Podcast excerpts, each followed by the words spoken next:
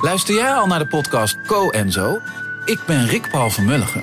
Ik ben Nina de Lacroix. En samen met jouw man René voeden wij twee kinderen op in twee huizen. Co-ouderschap. We hebben het over alles wat je daarin tegenkomt. Maar ook over de juice tijdens onze kinderloze dagen, want die heb je ook in het co-ouderschap. Een podcast voor alle ouders in alle vormen, maar ook voor alle mensen zonder kinderen. Zijn we eerlijk, heerlijk herkenbaar. Dus luister naar Co en Zo in je favoriete podcast-app.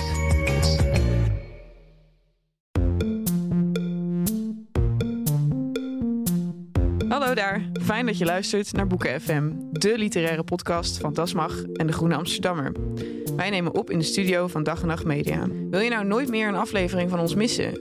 Abonneer je dan nu in je eigen podcast-app en geef ons ook vooral een heleboel sterren en recensies. Dan zijn we ook zichtbaarder voor anderen die ons misschien willen luisteren. Heb je een vraag voor ons of ben je heel erg boos, vooral op Joost? Stuur dan een mail naar boekenfm.dasmag.nl. En we zijn tegenwoordig ook te vinden op Instagram, boekenfm.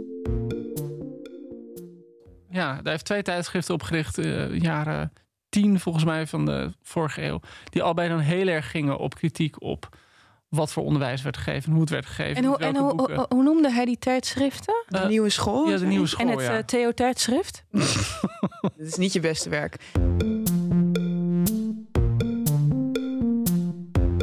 Hallo allemaal en welkom bij deze allerlaatste feestelijke kerstaflevering van dit seizoen van Boeken FM, de literaire podcast van, Groene, van de Groene Amsterdammer en uitgeverij Das Mag. We zitten vandaag in de studio van Dag en Nacht Media met mijn favoriete co-host Joost de Vries en Ellen Dekvliet. Oh, Charlotte, en dat is helemaal wederzijds. En leuk om te weten, Merel Borst is ook aanwezig. Hoi Merel. Hoi, hallo. Jij bent favoriete producent.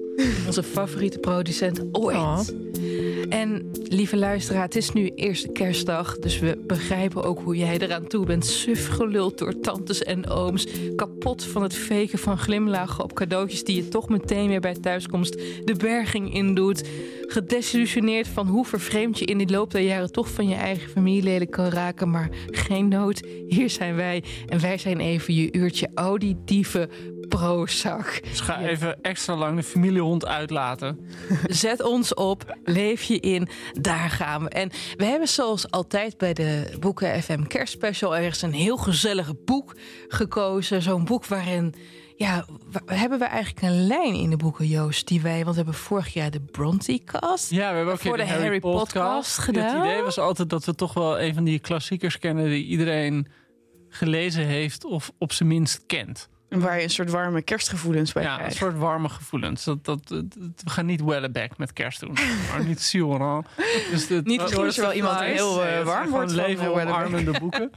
uh, om die speciale warme kerstgloed naar jullie over te brengen. Nou, en mijn warme speciale kerstgloed, die zit hem nou nog het allermeest in uh, mijn favoriete jeugdboek. Uh, Kees de Jonge van Theo Thijssen. Ik ben er geloof ik al tien keer over begonnen dit ja, seizoen. Dus Zeker, gewoon, we hebben dit heel vaak. gedaan, ook om er van af te ja, zijn. Ja, klaar goed, mee. dat was natuurlijk, dat, jij mocht jouw uh, dode Rus en nu mag ik uh, Kees de Jonge. Ja, en ik? Ik mag niks. Nee, nee sorry. nee. maar dat, dat is is patriarchaat mag nu ook ja. even op de achterbank zitten. Um, Kees de is het allerbekendste boek van uh, Theo Thijssen. Theo Thijssen, dat was gewoon een soort brave Nederlandse man... die geboren is in 1879 uh, in de Jordaan als schoenmakerszoon. Um, We hebben dit gemonteerd trouwens uit het uh, referaat van Charlotte. Die is er het 6 VWO opgegaan. We hebben gewoon geknipt en geplakt. Charlotte, ga verder met je referaat. Het staat ook op scholieren.nl. Ja, het staat ook op scholieren.nl. Nou jongens, leuk. In ieder geval, uh, in dat, uh, dat pand dat bestaat nog steeds. Daar zit nu het kleine Theo, Theo Thijssen Museum in. Uh, dat wordt beheerd door één enkele dame. En die zit daar een paar dagen per week tussen 12 en 5. Dus ik ben Oh. gisteren met mijn moeder daarheen geweest. Oh, En? God. Uh, het is heel erg klein en schattig. Op de eerste Lely Dwarsstraat 16. En um, in de jaren 80 wilden ze het plat uh, maaien, dat huis. En dat heeft toen de stichting Theo Thijs heeft zich daartegen verzet. Uh, dus het is ook nog het oorspronkelijke pand.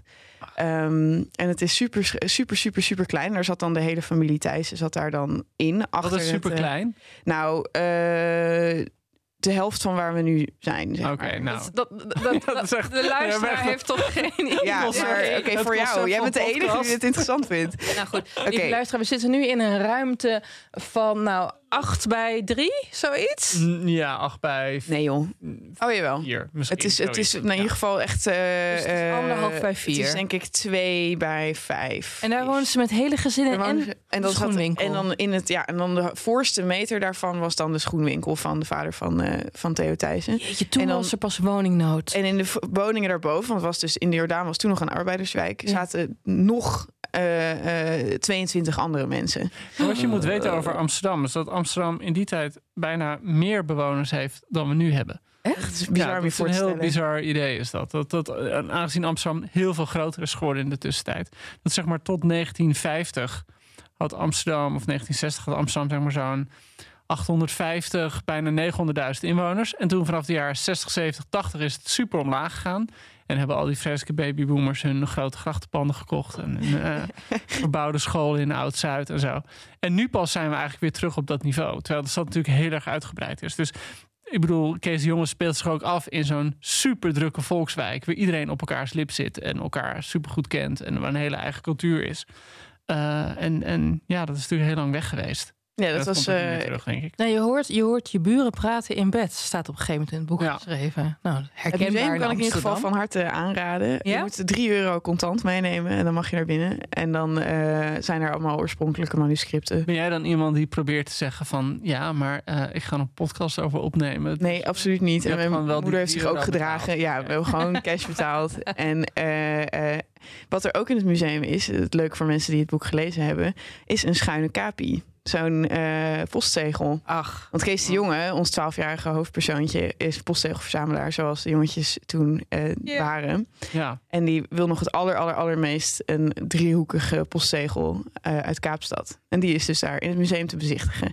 In ieder geval, Theo Thijssen, eh, geboren in de Eerste Lelydwarsstraat... en vanaf zijn vijftiende in Haarlem opgeleid tot onderwijzer. want hij kreeg een beurs. Ja, hij was bijzonder braaf Ja, eh scholiertje. Net als Theo was vader schoenmaker. Nogal Kees. arm. Net als Kees, sorry. Ja. Ja. Schoenmaker, heel mo- moeilijk allemaal.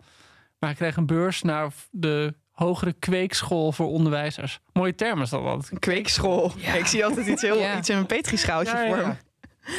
Eh, ehm, daar heeft hij bijna een kwart eeuw lesgegeven op verschillende scholen in Amsterdam-Oost. Eh, en daarna is hij via de Onderwijsbond in de politiek terechtgekomen. Ja. Eh, als raadslid voor Amsterdam en daarna zelfs in de Tweede Kamer. Ja, namens de SDAP. Hij was, kwam al uit de socialistische hoek. Nou, dat was in die tijd was je altijd een beetje verdacht, hè? Ja. dacht altijd dat je meteen met de rode bandana omgeknoopt Vive la Revolution ging roepen. En vervolgens koningin Wilhelmina doodschoot. Maar niets van dat alles. Hij zette zich gewoon in voor het hoger goed van de gemiddelde arbeider. En na zijn verscheiden is hij door blijven leven in de vorm van de geestelijke vader van Kees de Jonge.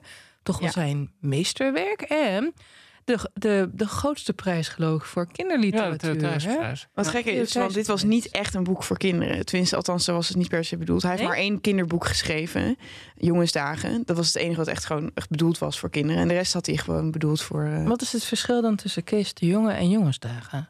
Jongensdagen, dat lijkt ook heel erg op Kees de Jonge, maar het is gewoon. eh je hebt wat minder de blik van een volwassene die terugkijkt op kindertijd. Van dat, hele, dat ontroerde dat je de hele tijd hebt bij Kees de Jonge. Van ach, zo was het om twaalf te zijn of zo. Dat is veel minder bij je in, in, eh, in jongensdagen. Ja. En verder heeft hij eigenlijk vooral boeken geschreven over eh, zijn docentschap. Ja, En, de eh, schoolmeester, ja, sociaal Het realistische grappige is, werken. ik, ik zat thuis even te googlen. eh, en toen kwam ik op de... Zat ik gewoon even in het archief van de Groene Amsterdammer te kijken.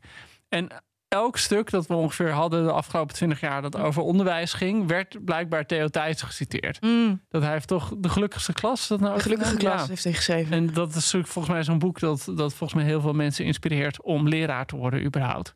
Maar hij was of, super of als ze kritisch, leraar eh. al zijn, dan lezen ze dat om zich te troosten.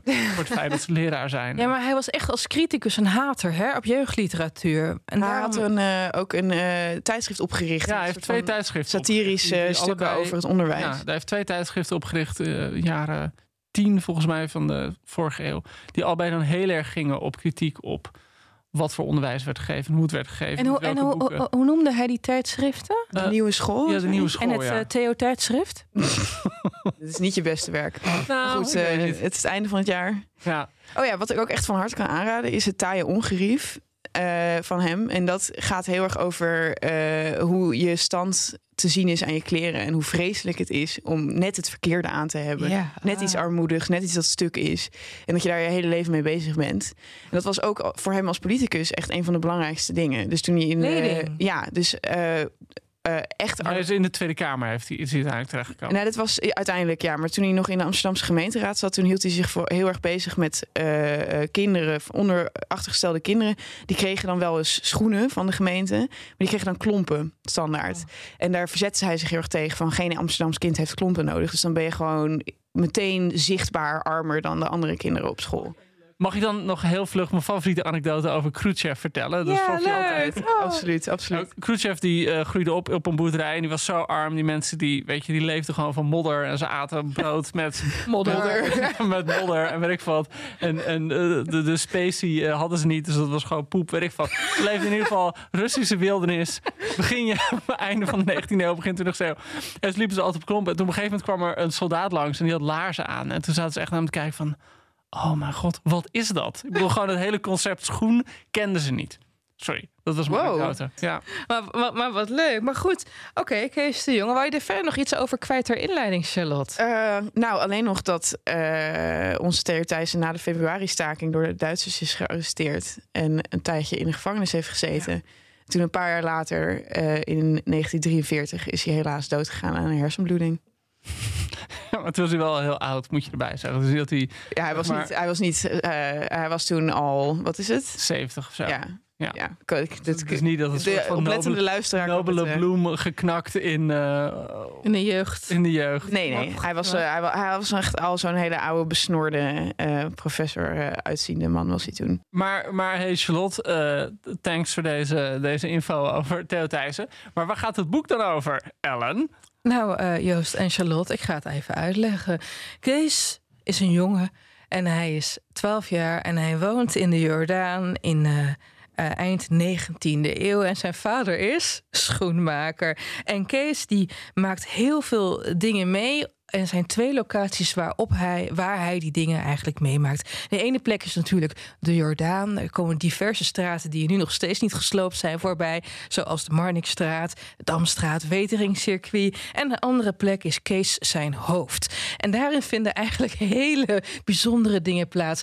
Kees is namelijk het type kind dat de helft van zijn tijd in een soort dagdroom aan het doorbrengen is. En het zijn er van die dagdromen waarin hij eindelijk van de buitenwereld de kans krijgt om te bewijzen hoe ontzettend welbespraakt, welbelezen, wat een geweldige jonge Kees eigenlijk is. En het is grappig dat je dat net zei, Charlotte, over dat boek Taai Ongerief, over wat de kleren zeggen over je klasse.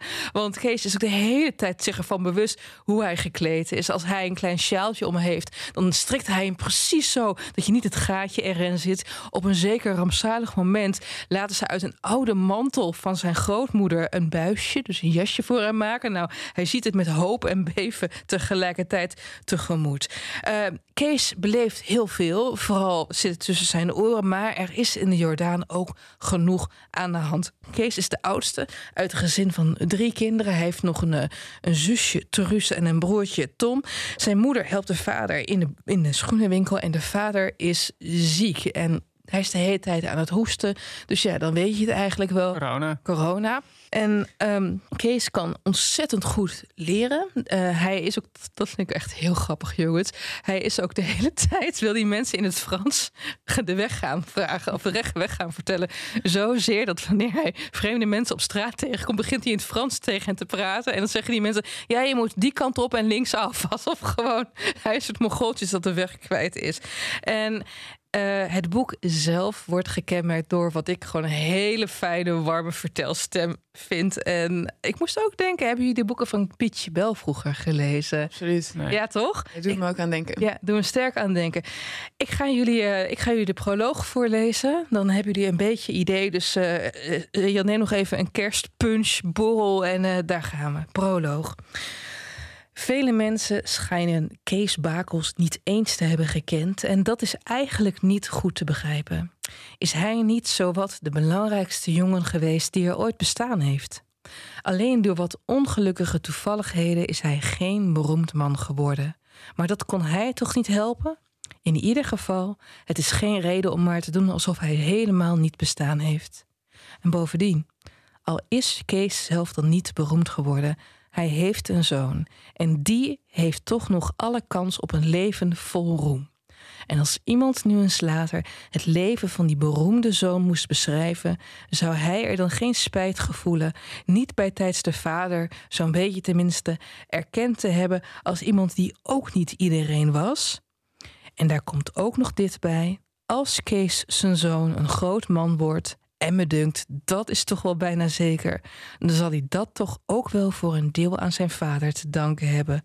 Niet waar? Nou, Hiermee begint de legitimatie waarom er over Kees een verhaal wordt verteld. En straks, we zullen straks ook wel even over het einde van het boek te spreken komen. Blijkt dit heel, dat dit ontroerde mij in retrospectief heel ja, erg. is dat. Dat als je het nu terugleest, dan. ik had het boek nog niet, dus nog niet gelezen, maar ik heb het nu speciaal voor. Dat nu je leest dit gewoon ter kennisgeving. Als je het voor het eerst leest en nu lees je het terug. Dat je denkt, en nu vind ik het heel verdrietig eigenlijk. Ja, super verdrietig. Maar voordat je denkt dat dit een ouderwetse tranentrekker is, er valt ook gelukkig heel veel te lachen. En dat komt door die enorme discrepantie tussen hoe de buitenwereld Kees beziet en wat er in het hoofd van Kees plaatsvindt. Kees die heeft namelijk een beetje, wat trouwens wel meer personages hebben van alle romans die wij dit seizoen eigenlijk hebben besproken bij Boeken FM. Mensen die vermoeden dat ze diep van binnen eigenlijk toch wel een genie zijn. Niet waar? Dat zagen we natuurlijk bij die Hours. Dat zagen we ook bij, de boeken, bij het boek van Sally Rooney. Dat zagen we via de indirecte reden in het oeuvre van Eduard Louis. Over dit lessen. Over dit lessen. Franson. En ook dus bij Kees de Jurgen. Ik zal even een kleine proef geven. Kees die loopt dus de Vondelstraat binnen op een zeker punt. Het schemert. En dan ziet hij dat er in een kamer wordt gemusticeerd. Een dame speelt piano en een heer ernaast speelt viool. Kees boog luisterend het hoofd. Hij zag hoe de dames naar hem keken. Wat heeft die jongen een gevoel, dachten ze waarschijnlijk. Kees dacht erover plechtig zijn pet af te nemen, maar dorst nog niet. Toen begon het spel weer. De man naast Kees was doorgelopen. Kees bleef weer aandachtig luisteren. De dames bij het raam keken weer naar hem. Als straks dit stuk uit was, dan zou misschien die ene dame vragen: Vind je het zo mooi? En Kees zou bedeesd van ja knikken. Kom binnen luisteren, zei misschien de heer en de deur ging al open. En eer je het wist, zat hij in de kamer op een van die zachte stoelen en mocht luisteren. Wie ben je? vroeg dan een van de dames als het stuk weer uit was. En hij antwoordde zachtjes: Een gewone jongen maar die veel van muziek houdt. Mijn naam doet er niet toe. en dit is zo, want Kees is alles behalve bescheiden. Die staat de hele tijd te stuiteren. In alles ziet hij een soort van nobele geste van zichzelf. ja, precies, uh... precies. Hij wil constant, hij bluft zichzelf een heel eind door de, door de wereld heen. Het is echt, uh, het, is, het is ontzettend grappig. Maar even, niet om nou mezelf al te veel eh, te verraden, maar heeft niet iedereen op die leeftijd het idee dat hij niet dat hij ook niet iedereen is, zeg maar. Dat je dan dat, dat, dat je op een of andere manier zeg maar speciaal bent. Dat mensen dat jij mensen opvalt. Of het nou positief of negatief is. ik zat op die leeftijd vooral te denken van iedereen vindt mij heel vreselijk en gênant. Maar Oh, Charlotte. Oh, kunnen we ons niks bij Ik ben er wel overheen. Oh, oké, oké, oké. Ik denk... Maar uh, toch dat je dat je ja, kijk, elk kind moet, moet, de wereld voor zichzelf ontdekken en, ja. dat, en, en zichzelf zien als individu in de wereld. Dat moet je meemaken. En dus elk kind gaat ook door zo'n narcistische fase heen, denk ik, waarin alles in de wereld terugslaat op het kind zelf. En, en, en dat wordt hilarisch beschreven. En, of hilarisch. Uh, Vond je het herkenbaar? Nou, herkenbaar, ja, sommige dingen wel heel erg, inderdaad. Maar voor, gewoon de, wat, wat Ellen net vertelde. Zo'n scène dat je daar staat te luisteren en dat je denkt van... Maar die mensen zullen mij toch ook opvallen. En, en, en vooral dat. Hij wil eigenlijk overal een medaille voor. Ja, dus op een gegeven moment heeft hij muziekles op school. Ik weet niet of jullie die scène nog weten. En dan moet hij zingen. En dan zit hij de hele tijd te wachten. Tot eigenlijk gewoon van, nou, hij moest dan de derde stem. Dus de derde stem, die laat je zingen door mensen die echt niet kunnen zingen. hij is in de derde stem en hij gaat de hele tijd overtuigd. Nou, die leraar die gaat me zo meteen een medaille geven. Maar echt de, de hele tijd. Ja, zo uh, grappig. Ja. ja. dat als hij de deur open doet, dan doet hij dat beter dan andere ja. dingen. Zo. Maar ik vroeg me wel af, want ik, toen ik het voor het eerst las, um, was ik uh, een jaar of tien. Uh, negen of zo. En toen was het dus heel erg uh, herkenbaar. Ik dacht, oh, wat, ja. wat een opluchting. iedereen denkt zo of zo. Iedereen is net zo raar met zichzelf bezig de hele dag als, eh, als ik. Maar jij leest het pas nu voor Nee, het kijk, maar eerst. kijk, het punt is natuurlijk dat, dat en in die zin is dit een, net een ander soort boek dan, dan misschien veel jeugdboek. Kijk, elke puber of prepuber is bang dat hij buiten de boot valt. En ik bedoel, wat is het geheim van, van Harry Potter? Is dat Harry Potter heel normaal is in een wereld die gek is. Dus eigenlijk is Harry Potter gek. En Harry Potter, daarom vinden denk ik heel veel kinderen van die leeftijd heerlijk om te lezen. Iedereen kijkt naar hem de hele tijd. En dat voelen denk ik kinderen ook. Die hebben hele tijd het idee dat ze gewoon ogen in hun rug hebben. Ook al kijkt kijkt niemand naar ze om.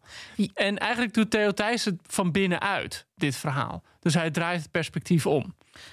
Ja, maar er zit tegelijkertijd ook heel erg, dat vond ik zo ontroerend, het enorme verlangen dat kinderen hebben. Dat herkende ik om gezien te worden.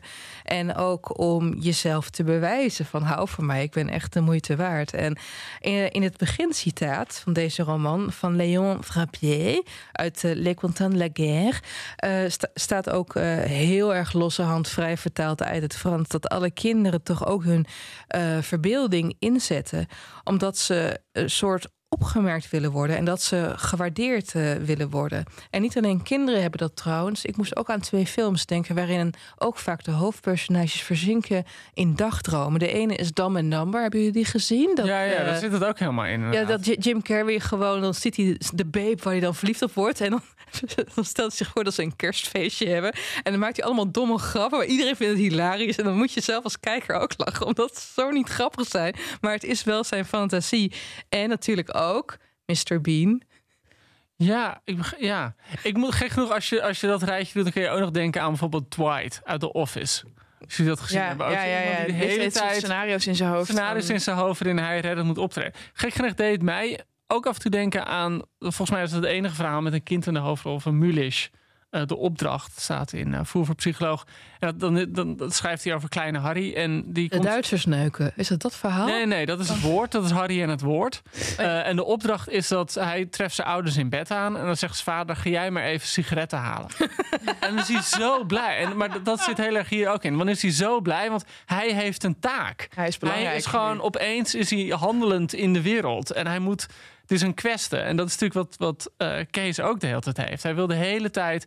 Ik bedoel, de klusjes die hij moet doen voor zijn ouders. Want zijn ouders hebben het heel zwaar. En die vader, uh, nou, wat, wat jij ook al zei... Ja, die heeft covid. En, en dat gaat gewoon niet goed. Dus, dus hij heeft ook het gevoel van... Ik moet ingrijpen. En de klusjes die hij dan moet doen... zijn in principe heel simpel. Maar hij maakt er elke keer zo'n enorme... Heroïsche tocht heroïsche van. tocht van. Nou, vooral hij, Ja. hij leert op die leeftijd ook het verschil tussen kinderachtig handelen en een soort volwassen gewicht geven aan dingen. En hij vindt dan, hij zet zich af tegen zijn jongere zusje. En hij denkt de hele tijd van als ik nou heel statig mijn hoofd op een bepaalde manier hou, dan, dan weet de apotheker dat ik niet zoals de andere jongens ben. Ja.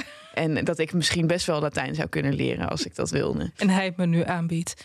Ja, en dan zegt hij, kom maar eens hier, jongen. Kom maar eigenlijk elke zaterdag hier en dan leer ik je wel Latijn. en wat ik me wel afvroeg is, eh, dit is een van mijn favoriete boeken. Eh, eh, het stoort mij hier niet in dat de verteller een kind is.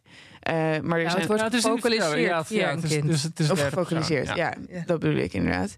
Eh, eh, maar dat je alles door de ogen van een kind ziet. En dat vind ik in andere, sommige andere boeken wel heel erg storend. Eh, met name, nu ben ik weer vergeten hoe het heet.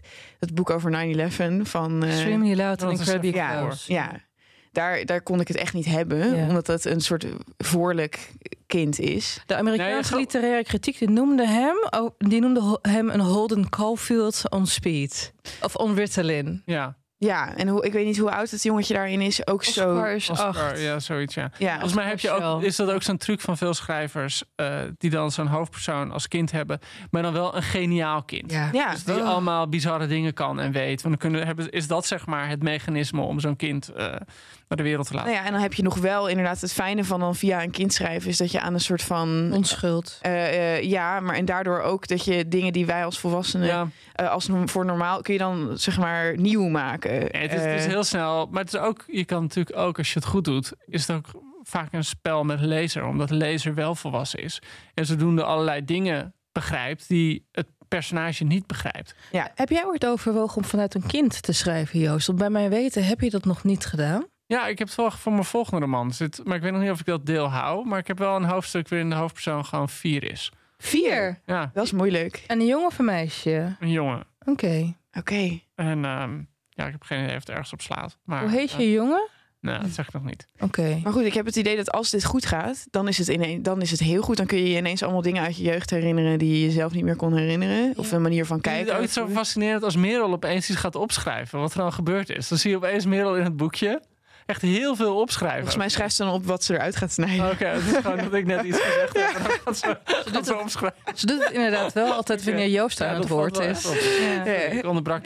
Nee, maakt niet uit. Eh, ehm, maar waarom dit dan? eh, ehm, er zijn gewoon boeken waarbij het wel heel goed werkt. Ik zit te denken aan een eh, dagboek van Adrian Mol. Oh ja, god. Ja. Dat vond ik heel erg goed. Eh, dat is een stuk cynischer dan Kees de Jonge. Maar het is hetzelfde soort jongetje dat zichzelf heel interessant waant, maar eigenlijk doodnormaal is. Ehm, dat werkt misschien beter dan zeg maar kinderen die heel interessant zijn. Ik zit aan Narnia te denken. Dat vond ik ook heel erg. Ehm, ik ben misschien de enige. Ehm, Ja. Ja, jullie Niet niet? gelezen. Wel Nee, boeide me echt als Nee. kind. In, in begonnen niet uitgekregen. I, I totally didn't care. Maar eh, la- la- laten we eens even teruggaan naar Kees de Jonge, eh, de, de, de roman zelf. Want eh, ik heb de eerste drie kwart van deze roman gewoon heel erg om moeten gniffelen.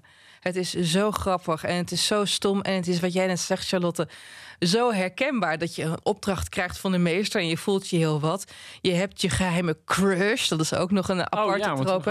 Rosa, Rosa Overbeek, Overbeek. ja. Dat je denkt van, oh, ik wil, ik wil haar haar aanraken, maar straks denk ik dat ik van meisjes houd. Nou ja, dat is, ik vond het zo ontzettend leuk. En gaandeweg zie je dat er een soort donkere wolk zich samenpakt. Je weet al dat die ouders schulden hebben. Dat weet je aan het begin. Je weet dat die vader ernstig ziek is.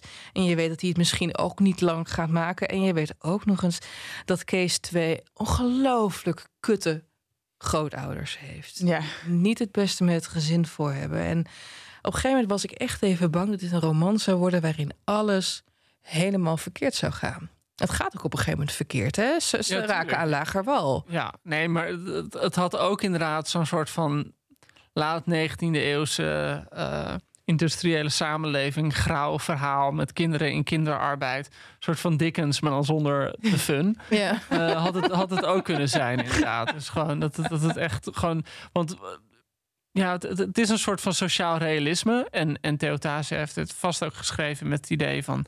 ik moet laten zien dat de, de, de lagere klassen ook gewoon leuke mensen zijn... met heel veel potentie. Ik bedoel, er, er zit wel degelijk zo'n soort van politiek ideaal achter. Ehm, maar ik was inderdaad ook een beetje bang dat het een soort levenslied zou worden.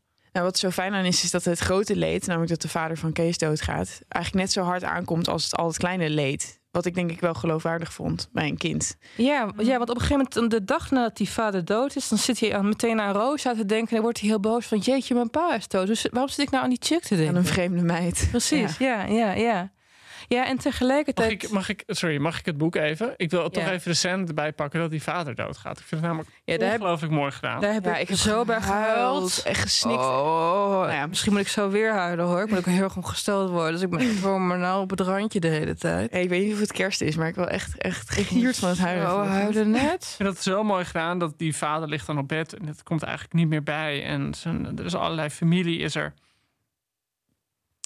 Ehm, en dan is Dirk, dat is... Dat is eh, De broer van eh zijn ja, vader. dus de, de oom. Ehm, nou goed, dan wordt hij op de, de kamer getikt. En hij durft eigenlijk... eigenlijk hij is angstig om het te horen, wordt geschreven. Daar kwam tante de alkoof al uit. Vreemd, in de lange witte nachtjapon... met een raar dotje haar. Ze deed de deur open en oom Dirk sloop naar binnen. Slapen ze? vroeg hij fluisterend. Kees deed dadelijk zijn ogen dicht. Ja, fluisterde tante. Hoe is het? Afgelopen, zei oom Schoor en Kees hoorde hem snikken. Gewoon zo mooi gedaan. Dat gewoon alleen dat, dat woordje afgelopen. Het is, het is afgelopen.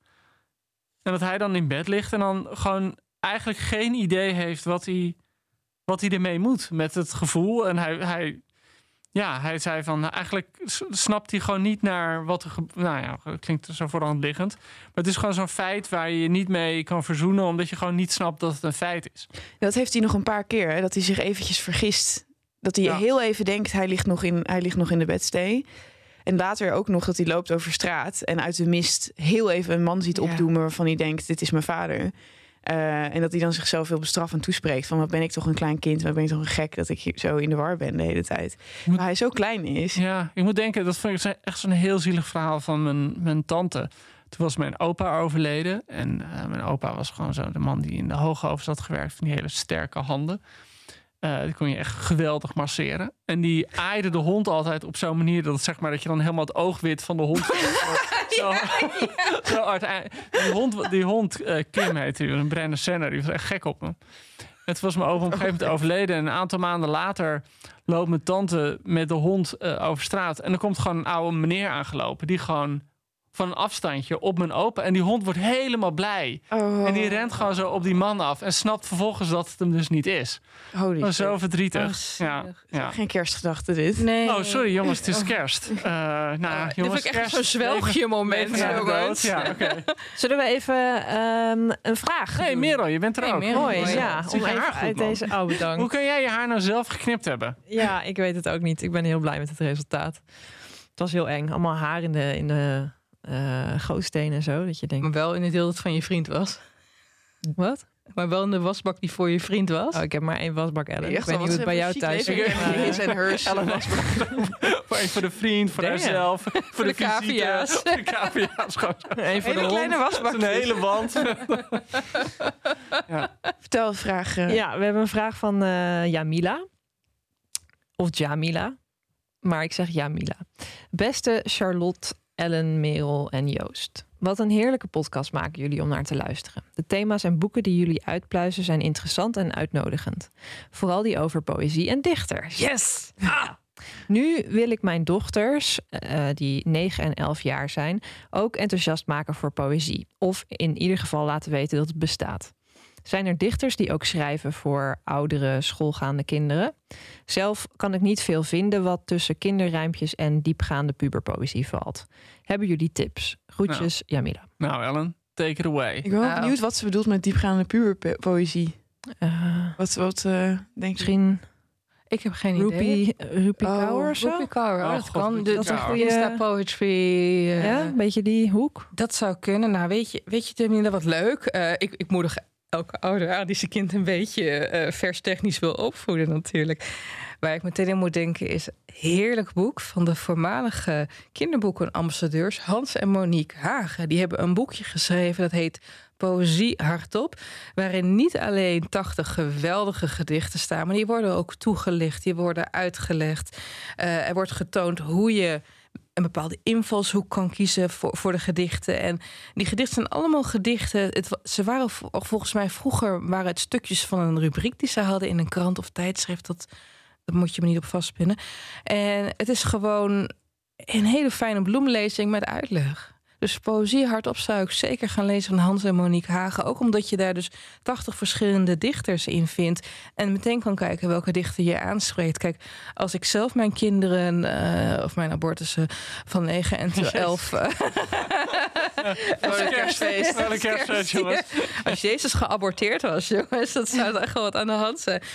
Dan, eh, dan, dan zou ik ze opvoeden met niet alleen ehm, eh, de serieuzere, nou ja, serieus slash speels. Kijk, Edward van de Vendel Ja, heeft bijvoorbeeld voor, vanaf negen jaar met de bundel Super Guppy, fantastische grappige poëziebundel voor kinderen, iets heel moois neerge- neergeschreven. Maar ook Bart Moejaert. oh, Bart Moejaert heeft natuurlijk echt zo geprezen over de hele ja, wereld. die heeft, die, heeft, die, heeft, die heeft de Nobelprijs voor kinderliteratuur Ja, gekregen. Ja, eh, fantastisch. Ja.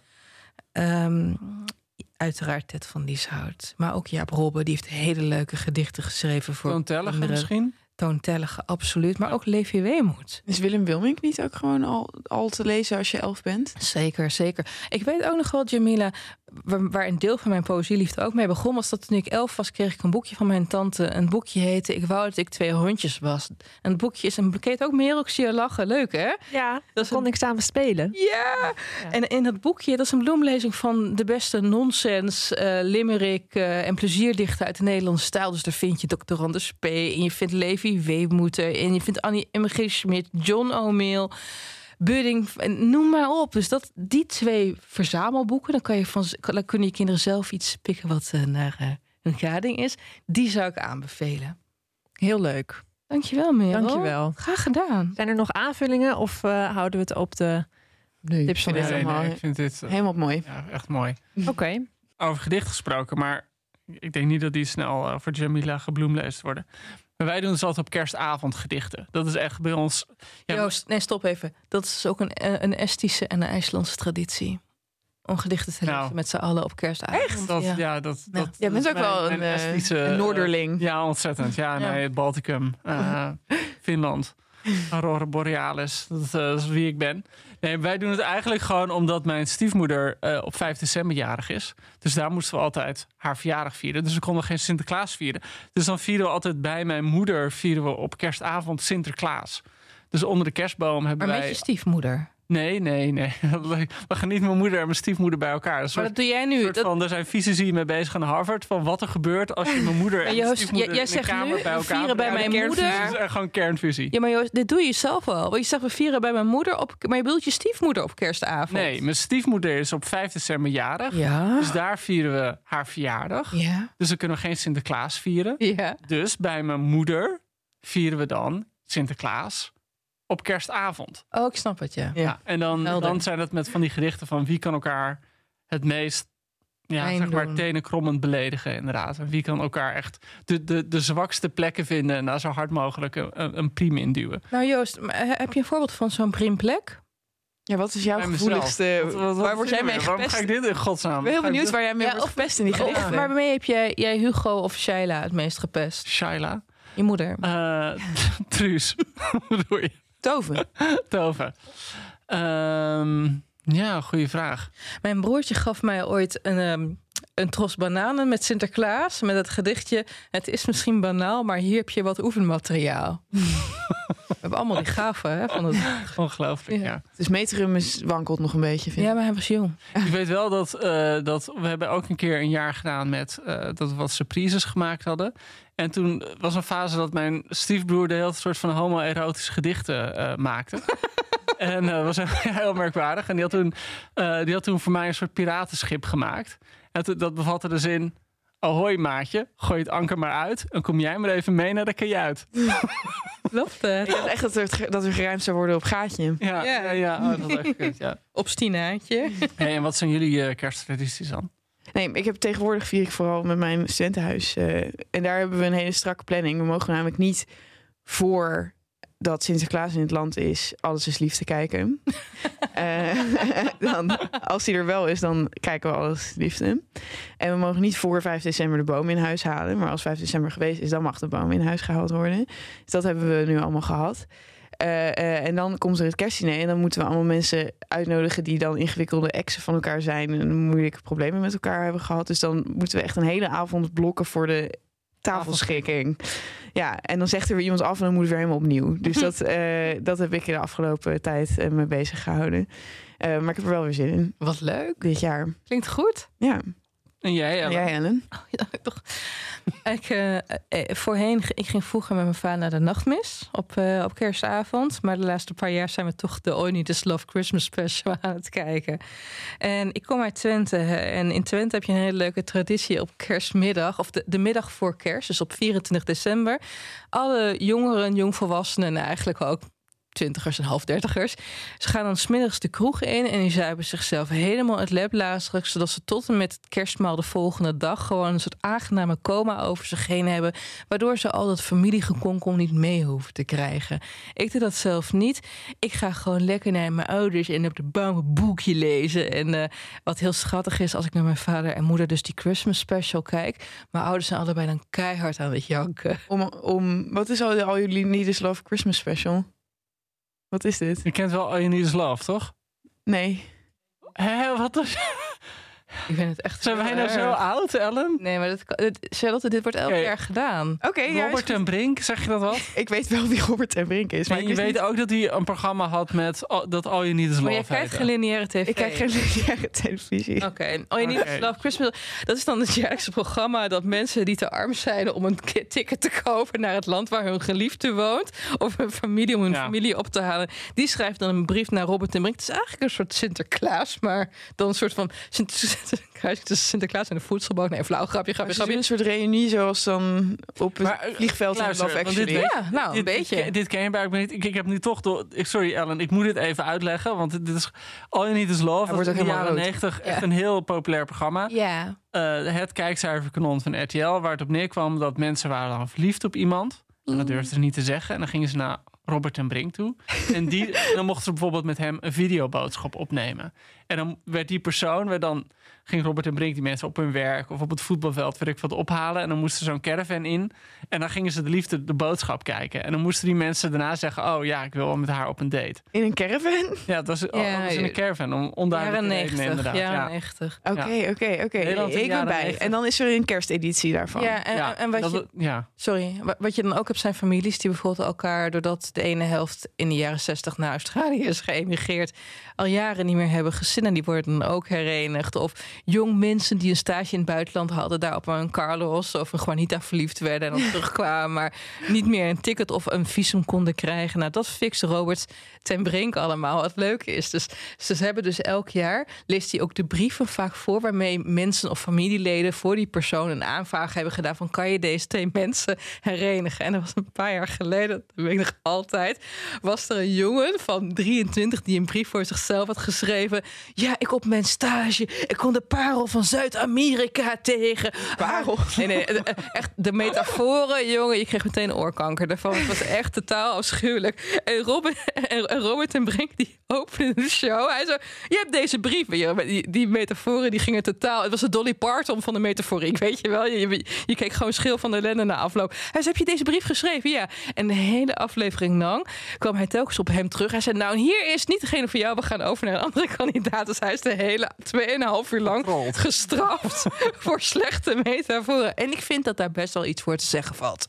Maar Frans Bauer bijvoorbeeld is doorgebroken bij All You Need Love. Omdat twee vrouwen, los van elkaar uiteraard, voor hem een brief hadden geschreven. Maar was hij toen al Frans Bauer? Of was hij gewoon Was ja, zomaar maar iemand? niemand wist wie hij toen was. Maar, en daardoor is hij toen... Dat was gewoon voor het eerst dat hij maar op wat was tv kwam. Frans Bauers zijn probleem? Was Mariska, zag die hem niet staan of Ja, zo? dit was nog voor Mariska, denk ik. Of misschien was een van die vrouwen Mariska. Geldt Frans Bauer als een aantrekkelijke man? Ja, blijkbaar in de jaren negentig lag de lat echt heel Een hele andere tijd. ik denk dat ik echt me dichter bij de vorige jaren negentig voel. Ja, nee, nee dat, eh, dat is. Oké. eh, Ehm, we hadden het ook weer over. over, over ker- kersttraditie. Kersttradities. Ja. All You Need Is Love Ja. kerstspecial. Dus. Ja, nee, ja, dat, dat. En bij mijn schoonouders, de, we vieren altijd de eerste kerstdag bij de dekfietsjes. En dan zijn we altijd zo kapot gesloot. Dat we de tweede kerstdag eigenlijk bij mijn schoonouders gewoon op de bank liggen te tukken. En, die, en dan is mijn schoonvader, die is dan allemaal van die kerstspecials aan het kijken. En Love Actually voor de duizendste keer. is Ja, helemaal aan het snikken. Want het, het is ook heel emotioneel. Dus dat. Terug naar de Jordaan. Terug naar eh, de 19e eeuw. Terug naar 100 jaar voor All You Need Is Love. Ja, kerstspecials. 100 jaar eenzaamheid. Hoppakee. en daar is dus Kees.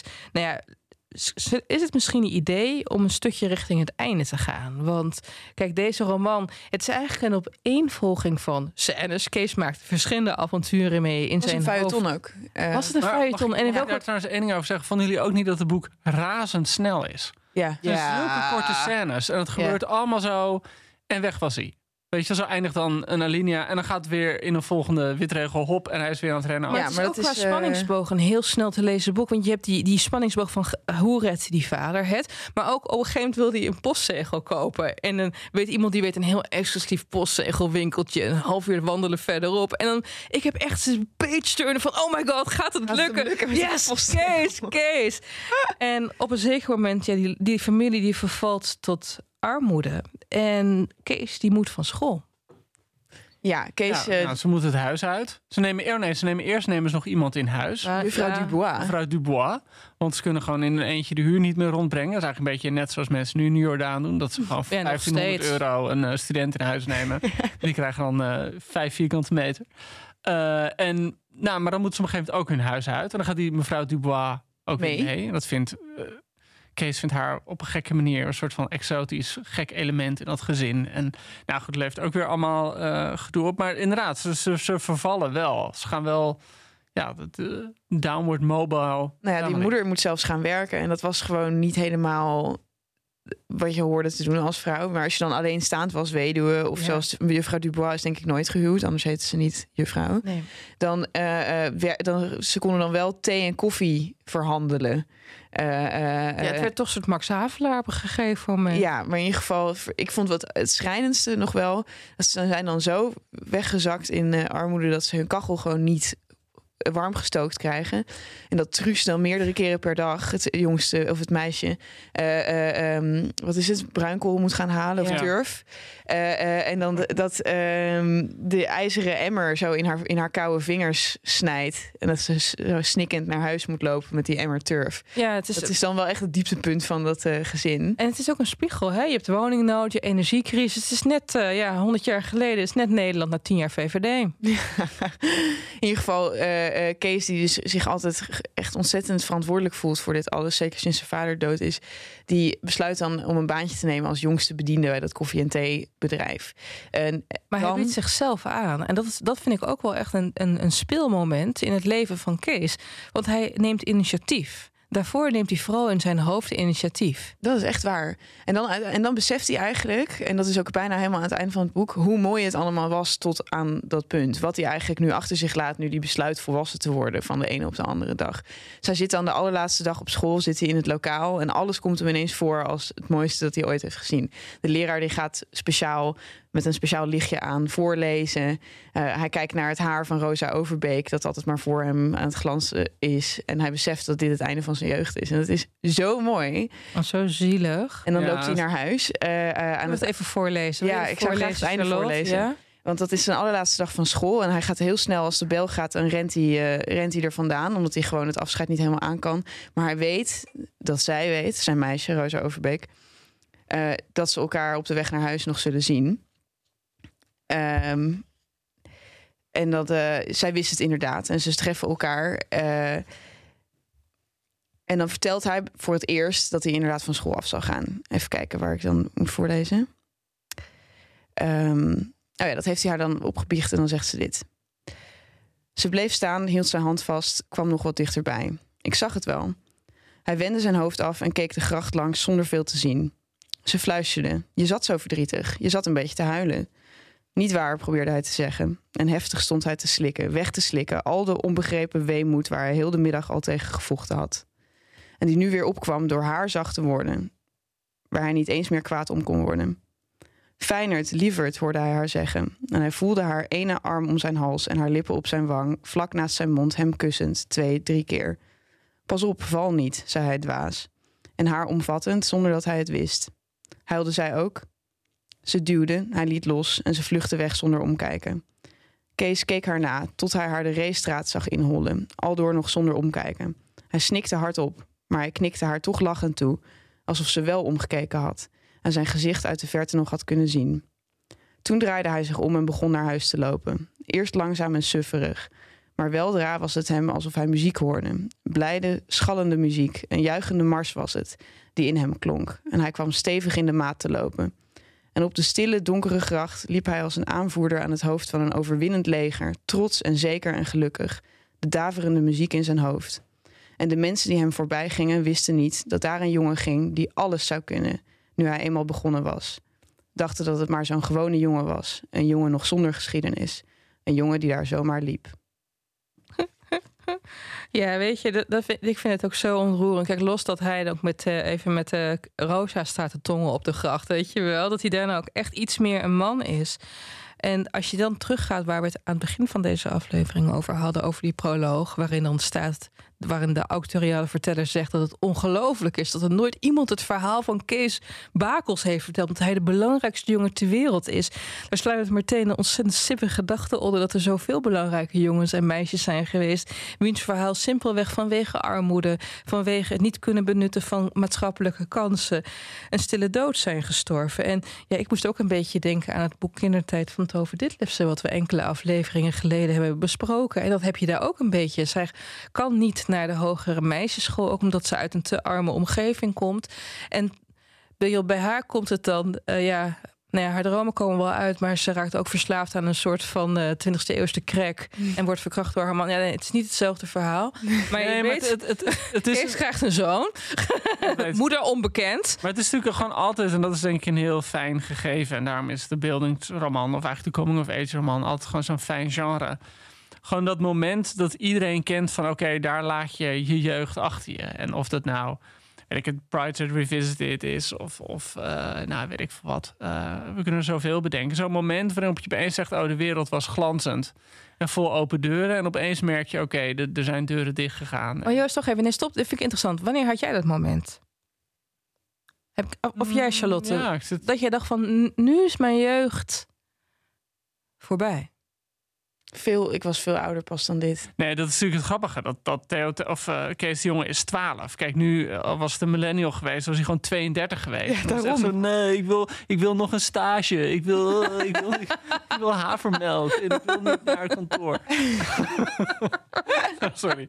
Maar, um, um, nee, ik weet, ik, nou, wat ik wel nog wel heel goed weet, is dat ik op een gegeven moment zo'n gevoel had in mijn studententijd. Van nou, nu is het gewoon wel een beetje klaar, die studententijd. Mm. Ik opeens merkte dat, dat je van die dingen, dat je uh, op donderdagavond naar Tivoli of zo, dat het opeens minder belangrijk werd. En dat je gewoon vrienden had die opeens met stage bezig waren. En dat mensen opeens zeiden, ja, ach, dat studeren, hoe cares. Ik wil, dat je opeens gewoon zo merkt van gewoon zo'n zo'n periode die, die vier, vijf jaar of wel langer, uh, gewoon zo alles voor je is, opeens gewoon er minder toe doet.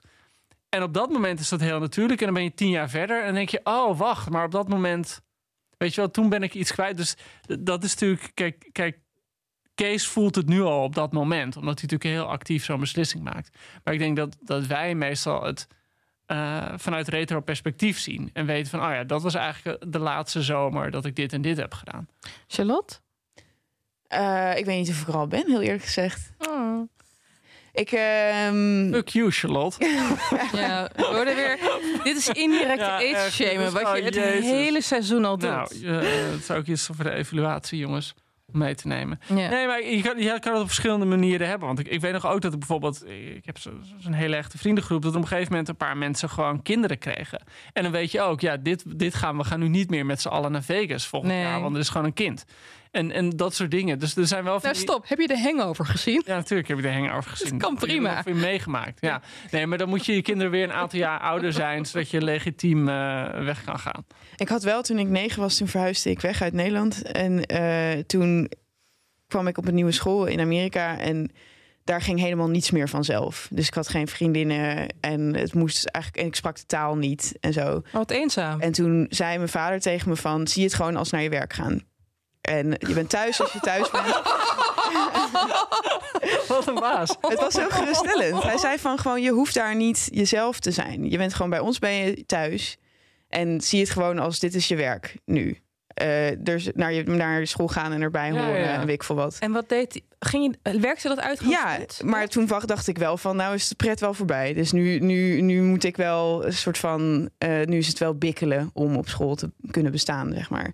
Uh, omdat gewoon Amerikaantjes zo moeilijk zijn om vrienden ja, te worden. Ja. Waar woon je in Amerika? Een buitenwijk van Washington D.C. Dus, uh, en hoe lang heb je daar gewoond? Drie jaar. Wauw, de dingen die we leren over Charlotte. Ja, en toen las ik, toen kreeg ik dus ook Kees de Jonge en ging ik heel erg terug verlangen naar Nederland. Nederland. Ja. Oh. En Nederland ook nooit gekend had natuurlijk, want het is niet alsof ik uh, in Amsterdam ben opgegroeid. Uh, zullen we een cijfer geven en dan nog eventjes onze eindejaarslijstjes doen? Want er wordt ook boos ja. op het raam getikt. Helemaal, helemaal goed. Oké, okay. uh, ja, ik, ik, was super ontroerd. Ik herkende heel veel. Kinderboeken kan je, als je het een beetje goed doet, nooit mis. Dus een dikke negen. Joost? Nou, in het begin was ik heel erg anti dit boek.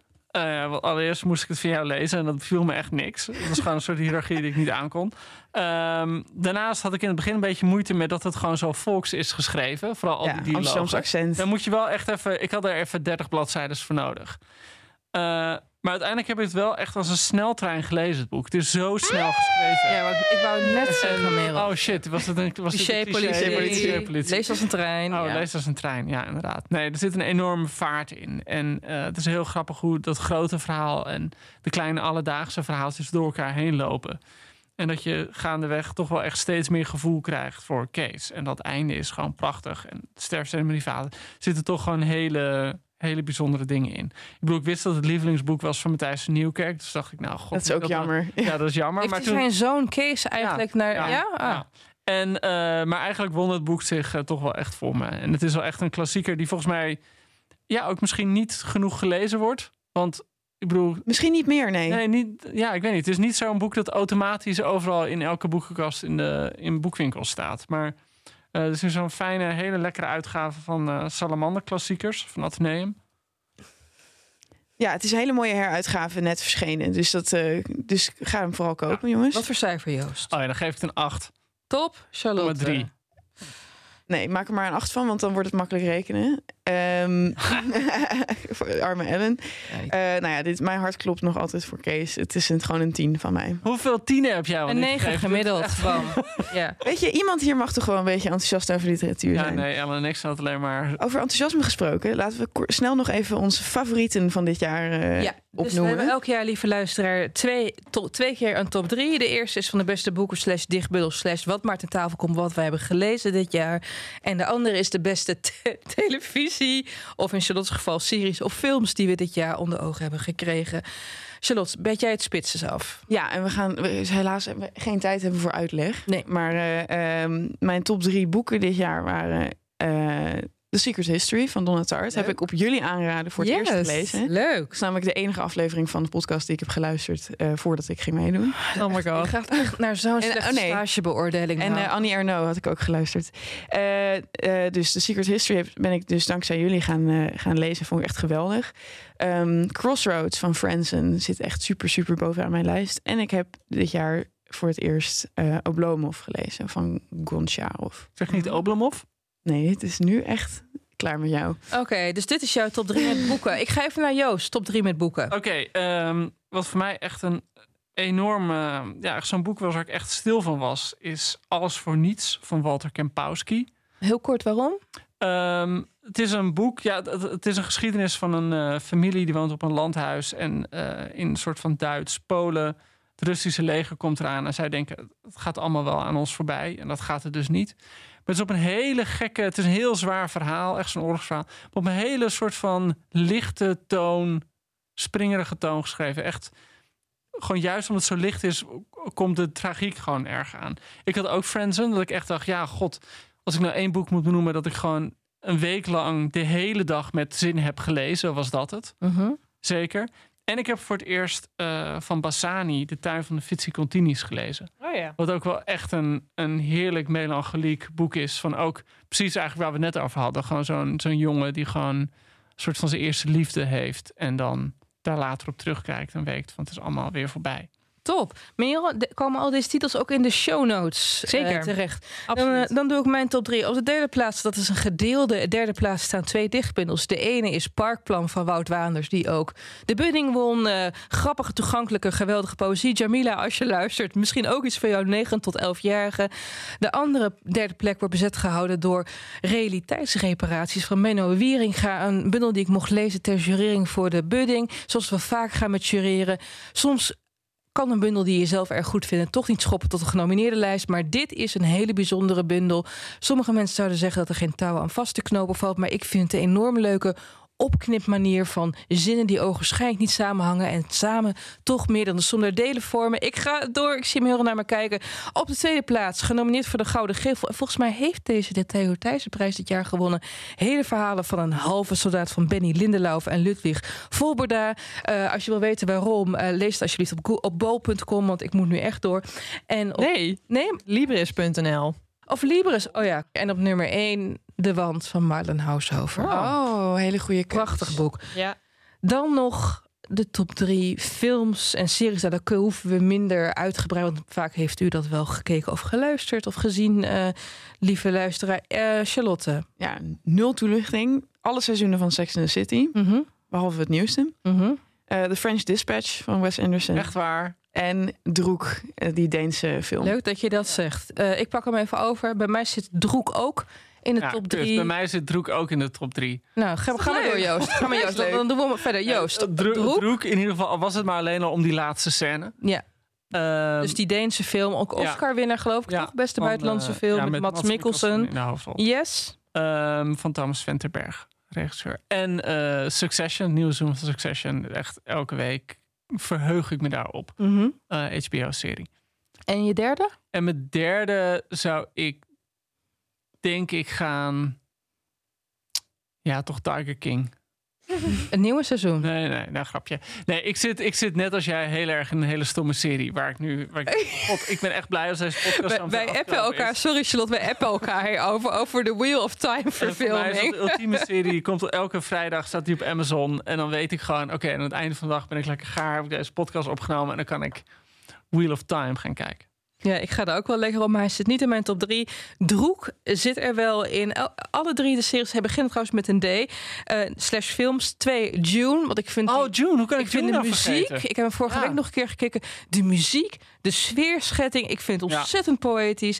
Eh, het verhaal is, ja, I don't care, heel mooi. En op nummer één, dat is een serie eh, Domina over het leven van Livia Drusilla. Nou jongens, jullie hebben wat te kijken deze kerstvakantie. Heel erg bedankt voor het luisteren naar dit seizoen van Boeken FM. Heel erg bedankt voor het presenteren van dit seizoen, lieve geweldige Charlotte. Oh, dankjewel Ja, Ellen. voor de luisteraars. Heel fijn, en heel wordt goed gedaan. Als ze volgend jaar weer terug is. Komt Ja. nog een evaluatie. maar- Hou jullie hart Stage, vast. stage, evaluatie. Hey, word allemaal eh, lid van de Groene Amsterdammer. Bedankt Merel. Graag gedaan, jongens. Eh, Bedankt Joost. bedankt Ellen. Dank We moeten je. iets met eh Moet geef ons sterren. ja, Dat, moeten we dat ook zeggen? zeker. En ook, eh, we komen ook weer terug. Jullie moeten wel even op ons wachten, want we zijn er niet meteen weer. Maar eind januari, wanneer jullie levensmoe onder de nog steeds niet weggehaalde kerstboom liggen, zijn wij er om jullie te redden. Ja, als, als, dat, als dat zeg maar het lichtpuntje is dat je door Blue Monday heen helpt. We komen er snel weer aan. Ja, tot over een maand jongens. Doei. Dag. Zalig oud en nieuw.